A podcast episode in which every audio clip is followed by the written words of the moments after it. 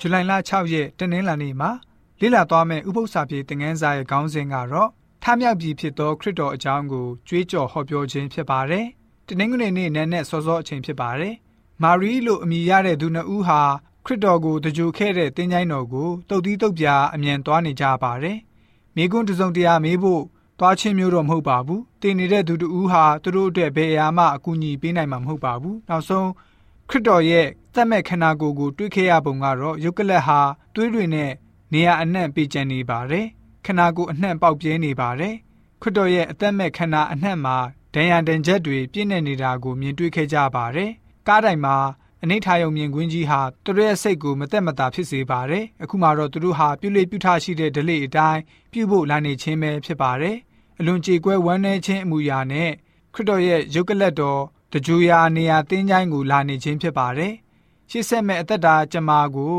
အရေးမဲကြီးလွှမ်းမိုးဝါမျိုးသွားမဲ့ဘဝလန်းဟာလည်းပဲပျောက်ဆုံးကုန်ပြီဖြစ်ပါတယ်။အနာဂတ်ဟာမသေးချာမရေရာဖြစ်ပြီးတော့မျောလင်းချက်မရှိတော့တဲ့အောင်ဖြစ်နေပါတယ်။တင်းချိုင်းတော်ကိုရောက်ရှိလာတဲ့အခါမှာဂူဝဟာပွင့်လျက်ရှိနေပြီးတော့ခရစ်တော်ရဲ့ယုတ်ကလတ်ဟာလည်းပဲပျောက်ဆုံးနေတဲ့အကြောင်းဂူထဲမှာဘာသက်မဲ့တစုံတရာမှမရှိတဲ့အကြောင်းတွေ့ကြရပါတယ်။ရှမသက်ခရစ်ဝင်ကျမ်းကနေ ခရစ်တော်ပြန်လည်ထမြောက်တဲ့နည်းနဲ့စောစောရဲ့အဖြစ်အပျက်ကိုဘယ်လိုမျိုးမတန်းပြုထားလဲဆိုတော့ရှမသက်ခရစ်ဝင်ခန်းကြီး28ငွေ9နဲ့9မှာကောင်းကင်တမန်ကလည်းကြောင်းရွံ့ခြင်းမရှိကြနဲ့လဝါကတိုင်မှာတတ်သောယေရှုကိုတင်တို့ရှာကြသည်ကိုငါသိ၏ဤအရက်၌မရှိမိတော်မူသည့်အတိုင်းထမြောက်တော်မူပြီးလာကြသခင်လျောင်းတော်မူရာအရက်ကိုကြည်ကြလော့ဟုထိုမိမတို့အားကောင်းကင်တမန်စုဤဆိုပြီးတော့ဖော်ပြထားပါတယ်အခုချိန်မှာအဲ့ဒီမိမတွေရဲ့အမှုရာဟာဝမ်းမြောက်ခြင်းဘက်ကိုပြောင်းလဲသွားပါတယ် မဲမောင်ခဲ့တဲ့ဘဝရှိခီးပေါ်ကိုတဖန်အာယုံဦးအလင်းရောက်ဟာ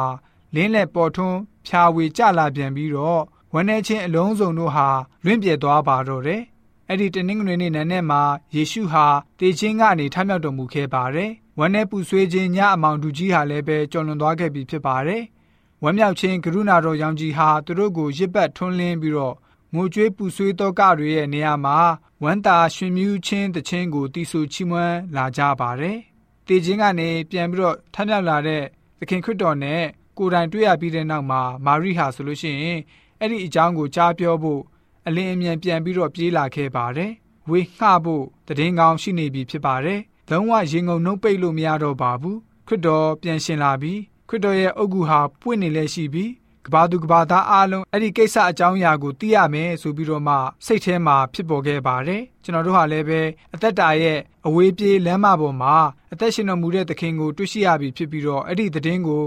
အလင်းအမြန်ကြားပြောပေးဖို့အရှိန်အဟုန်နဲ့ကဘာအနှံ့ကိုပြေးထွက်ကြရမှာဖြစ်ပါတယ်သတင်းကောင်းကိုဝင်ငှပေးဖို့အတွက်ဖြစ်ပါတယ်ယေရှုဖျားရှင်ကိုရိုတိုင်ကသူဟာအသေးသက်ချင်းခံရမယ်အသေးခံပြီးတဲ့နောက် ရှင်ပြန်ထမြောက်လာမယ်လို့တဖွာဖွာပြောနေခဲ့တော်လဲပဲသူတို့ဟာအရေးမလို့အမှုမဲ့အမှတ်မဲ့သဘောထားရှိခဲ့ပါတယ်။တပည့်တော်တွေတောင်ယေရှုရှင်ကိုယ်တိုင်ရွေးချယ်ခဲ့တဲ့သူတွေဖြစ်တော်လဲပဲမာရိရဲ့တသက်ခံချက်ကိုမယုံကြည်ကြပါဘူး။ညင်းပယ်ကြပါတယ်။ရှမာကုခရစ်ဝင်ခန်းကြီး16ငွေ17မှာကိုရောဟာအသက်ရှင်တော်မူသည်ကို၎င်းမာရိသည်ကိုရောကိုမြင်ရသည်ကို၎င်းသူတို့သည်ကြားလင်မယုံကြဆိုပြီးတော့တွေ့ရပါတယ်။သခင်ယေရှုရဲ့တပည့်တော်တွေကိုယ်တိုင်က